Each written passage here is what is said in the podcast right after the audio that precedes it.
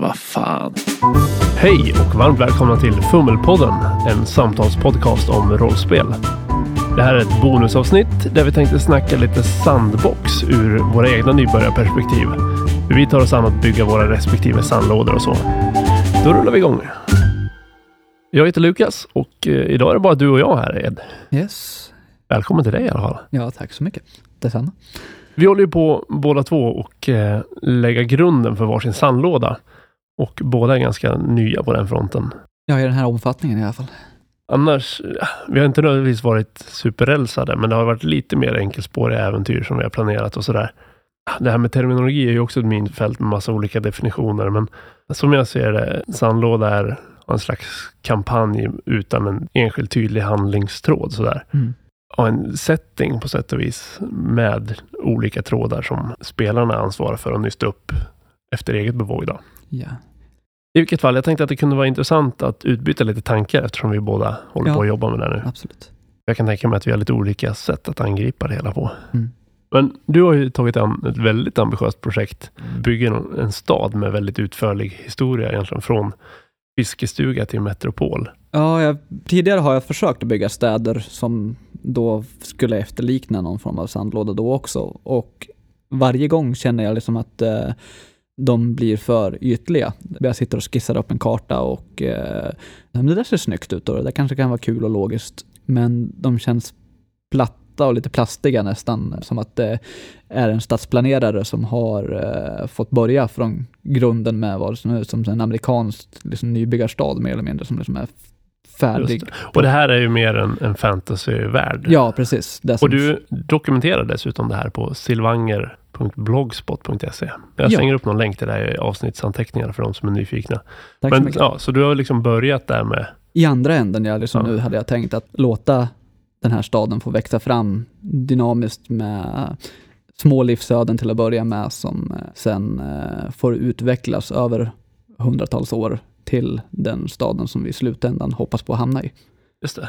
Hur den kommer se ut och vara kommer väl då väldigt mycket bero på vad jag hittar på längs med resans gång. Och jag försöker ha så öppet som möjligt att inte låsa mig till en färdig vision utan låta den utvecklas. Det har vi pratat om tidigare med karaktärer. jag men- tänkte precis säga det, att det där låter precis som ditt tillvägagångssätt med karaktärer egentligen. Börjar i ena änden och Ja, slutar det här är någon ju, oväntad ände. ja, det här är ju någonting som är betydligt större, men det är ju ja, det är samma tankegång i alla fall. Men ehm, För an, en annan väg att gå är ju att välja en mer färdig setting och bygga någon sandlåda i den genom att läsa på ja, och sen mm, placera ut saker. Men jag har också mer tagit i det jag håller på med, alternativet att bygga själv från mm. grunden. Eftersom jag har haft en viss stämning och viss setting som jag har Ja. varit ute efter. Men jag tror det är också där, och det tror jag kommer vara kontrasten kanske mellan oss i det här fallet, att du har ju en stämning du vill uppnå. Mm, Och då sant. är ju den, den som dikterar lite grann. Det är sant. Och skillnaden också är att du bygger din sandlåda i en värld som du och jag har jobbat på i snart ett Just decennium. Medan jag har tagit en helt ny värld och Mm. en större frihet. Men även mindre gratis. Så. Jag funderar också på det där lite grann. I den världen du skapar så har du liksom utrymmet att optimera eller förbättra. Om eh, saker runt omkring inte riktigt stämmer överens med vyn du vill ha för staden, så har du fortfarande tid att liksom anpassa resten av världen till stadens behov. Det tror jag också är i dina karaktärer gentemot mina, att dina blir skarpare och mera ja, estetiska kan man nästan säga, medan mina blir lite gråare men mera detaljerade. Det kan nog stämma. Och det du nämnde att det lätt kan kännas lite plastigt om allting faller för smidigt på sin plats. Att allting överensstämmer också. Ibland behöver man ha de här lite utstickarna just för att det ska kännas realistiskt. Men jag tror egentligen jag väljer jag har också börjat, har skissat upp huvudstaden i regionen och gjort den ganska utförlig. Och ja, lite grundläggande historia om riket och kulturer och sådär. Men jag har försökt aktivt att hålla mig från att överarbeta detaljer och inte gå in Mm. för mycket i djupet. För det är just det här, många saker kanske aldrig ens blir relevanta. Nej. Och då har jag lagt massa tid på dem Mm. som jag hade kunnat lägga på något annat. Men jag tänker nog att jag skapar liksom det här och sen slänger jag in en bunt olika äventyr med hooks. Just det. Kanske till och med färdigskrivna har jag nog tänkt att man plockar Ja, just det. Det vissa. kan, det kan vara snyggt. Och sen försöker man styra om det mer och mer så att man går från äventyr till att vara situationer eller liksom processer i Mm. världen. Så jag försöker undvika alla de här planerna på att först gör de si och sen gör de så. Mer bara få att ja, saker händer och SLP-erna gör det de har tänkt att de gör. Och sen kommer rollpersonerna. Sätta käppar i hjulen. Precis. Och om de inte nappar på trådar heller, då fortsätter ju spelade personernas planer som tänkt som, kanske. Ja, precis. De Så lever sina liv, ja. Såvida inget annat kommer in från sidan och saboterar. Men tanken med det är att det ska finnas ett utbud av intressanta saker att göra, men att val ska få konsekvenser. Så om du väljer det ena så kan du inte välja det andra. Just det. Och då utvecklar det sig under tiden och så vidare. Ja, det är ju lite där risken också. Jag funderade när vi säger att staden får leva sitt eget liv och liksom fortsätta ut hur mycket man lägger på kompileringen och processorkraft för alla SLPs. Man kan ju inte gå in på små detaljer vad den pigan och den världsvärlden, att man listar igenom varenda jäkel, utan det är ju de som förhoppningsvis de stora aktörerna man får börja. Ja, jag tänker nog också så, men mer de här äventyren. Där blir det ju enskilda SLP som kanske är obetydliga, men de har någon form av aktivitet för sig som Mm. kan vara intressant att interagera med på ett eller annat sätt.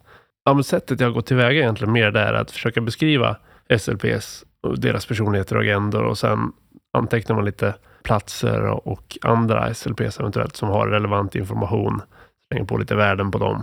Och sen är man ganska nöjd, för då får det fortsätta som det blir helt enkelt. Det kan vara intressant att tänka också, liksom, för att din är ju då planerad för en spelargrupp som kommer börja om några veckor eller en månad Ja. eller så. Så har du ett tydligt syfte att en spelargrupp ska dra igång och här är startpunkten för den här. Just det. Min ligger ju på för långt in i framtiden då det ligger en föräldraledighet emellan och sånt innan den eh, kommer få spela ut. Roligt att du ser det som en föräldraledighet från rollspelandet. Ja, just det, för det är dubbelt. Ja. Men eh, jag har ju inget klar grupp. Den här gruppen kommer spela i min stad. Och eh, det är så pass långt in i framtiden så att det här gör jag nästan mera för min egen skull. Att sitta och ha någonting som kan bry i mitt huvud under ett halvår till ett år innan det har mognat tillräckligt för att någonting ska faktiskt få spelas i den. Och det blir ett annat syfte med den. Och då är det okej på ett annat sätt att saker inte kommer få se dagens ljus och... Eh, Just det, för det är det där som jag känner redan nu innan jag ens har börjat. Att finns i bakhuvudet att det är lite otacksamt nästan att man lägger massa tid och energi på att bygga saker som kanske aldrig används. mm, Som aldrig får upplevas. Då känns det lite som att man har gjort det i onödan, även om det bidrar till att fylla ut världen och få den att kännas mer realistisk och, mm, och möjliggör bredare val och så vidare. Det är även lite läskigt när man kommer bort från den här punktplaneringen mer. mm, Saker som skulle kunna bli hur bra som helst kan sluta helt antiklimaktiskt eller bara rinna ut i sanden. mm. Medan som jag mer är van vid är att man liksom går in och stöttar upp det. och försöker med eh, olika verktyg få dem att göra vissa val så att de kommer fram till en tillfredsställande punkt eller Mm. tillfredsställande avslut. Jag lockas av det här att bara släppa lös folk och se vad som händer. Men jag är lite rädd för att det blir eh, lite platt ändå. Liksom, ja, att man inte, man inte får samma klimax. Det kan ju vara intressant på ett annat sätt för att de klimax man får blir... Eh, Mer organiska. Ja, och man känner sig mera delaktig och sånt i skapelsen som spelare. Men det är väl det jag känner lite så motivationen till, tror jag, både du och jag har dragit igång det här är att nu har vi hållit på med traditionellt rollspel så pass länge med lite mer enkelspåriga och med varandra Mm. så pass länge att man hamnar nästan lite i det här man sitter som spelare och funderar, vad vill SL att jag ska göra så att vi för handlingen framåt? Och som SL så är man lite bortskämd med att spelarna gör ungefär det man har tänkt. Ja, precis. Vi har dresserat varandra för det. Exakt. Just med det här, när man inte har någon plan och det är uttryckt till spelarna också att ni behöver inte hålla på och försöka tänka på vad jag har tänkt utan bara gör någonting. Mm. Då tror jag att vi kan återfå lite mer av den här gamla spänningen i, Mm. i rollspelande. Mm, absolut. Ehm, vi hade ju, det senaste vi spelade var någonting jag SLade som vi konstaterade att min visualisering av det vart nästan ett hinder av att man beskrev miljöerna och karaktärerna på en detaljnivå som kanske inte behövdes eh, för spelargruppens intresse. Dels det och även eh, intrycket jag fick var nästan att du hade känslan av att det här är på sätt och vis en sandlåda. Att du hade olika punkter, du hade olika saker som för sig gick, du hade Mm. lite olika agender.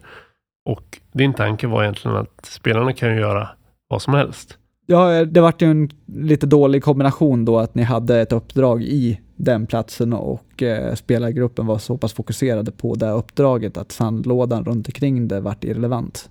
Ja, och jag tror det ligger både hos spelarna och, och kanske att vi hade det här tydliga uppdraget. Men även att vi kom lite med en spelarbakgrund av att gå framåt i, i äventyret snarare än Mm. hitta på lite vad ni vill. Och det fanns inte incitament egentligen för karaktärerna att göra något annat än uppdraget. För att vi Nej. hade kommit dit till platsen för att För göra att göra den saken, ja precis. Men det blir också ja, hur vanskligt det kan vara. För du hade ju egentligen byggt en form av sandlåda där. Ja, är på en mera kompakt nivå. Ja. Ja. Men den blev inte en sandlåda i praktiken.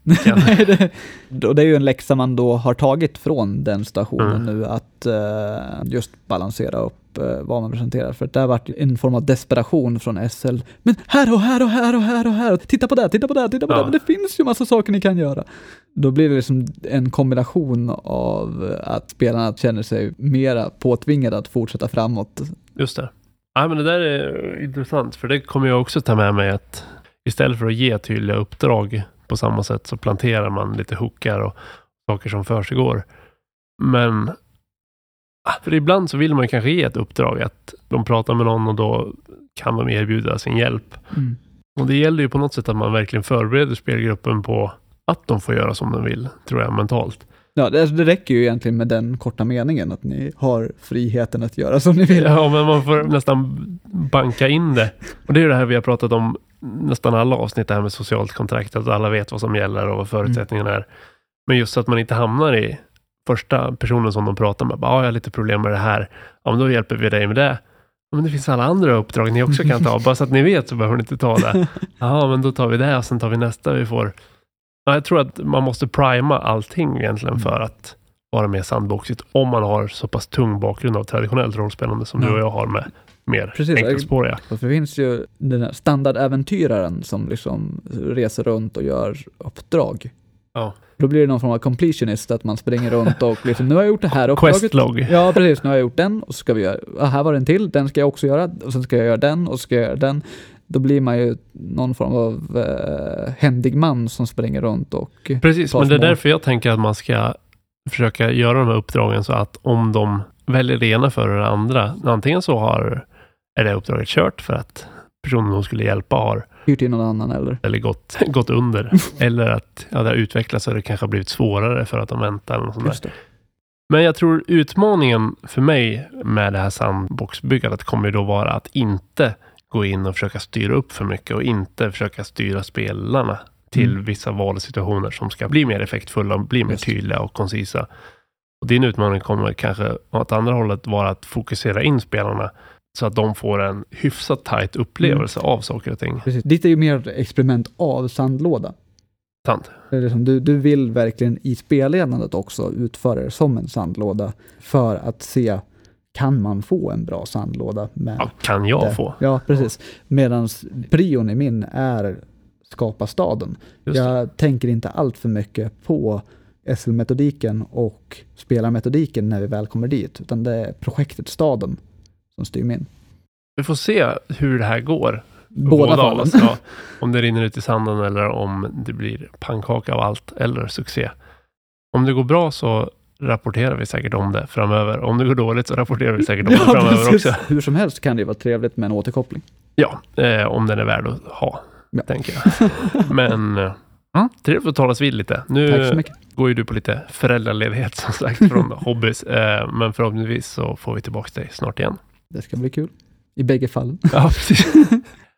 Ja, men då, tack för idag helt enkelt. Ha det gott. Du har lyssnat på Fummelpodden som presenteras i samarbete med Studiefrämjandet. Du får gärna gilla vår Facebook-sida eller kanske följa oss på Instagram. Länkar finns i avsnittsbeskrivningen. Har du feedback eller tips på ämnen? Hör av dig via sociala medier eller skicka ett mejl till info.fummelpodden.se.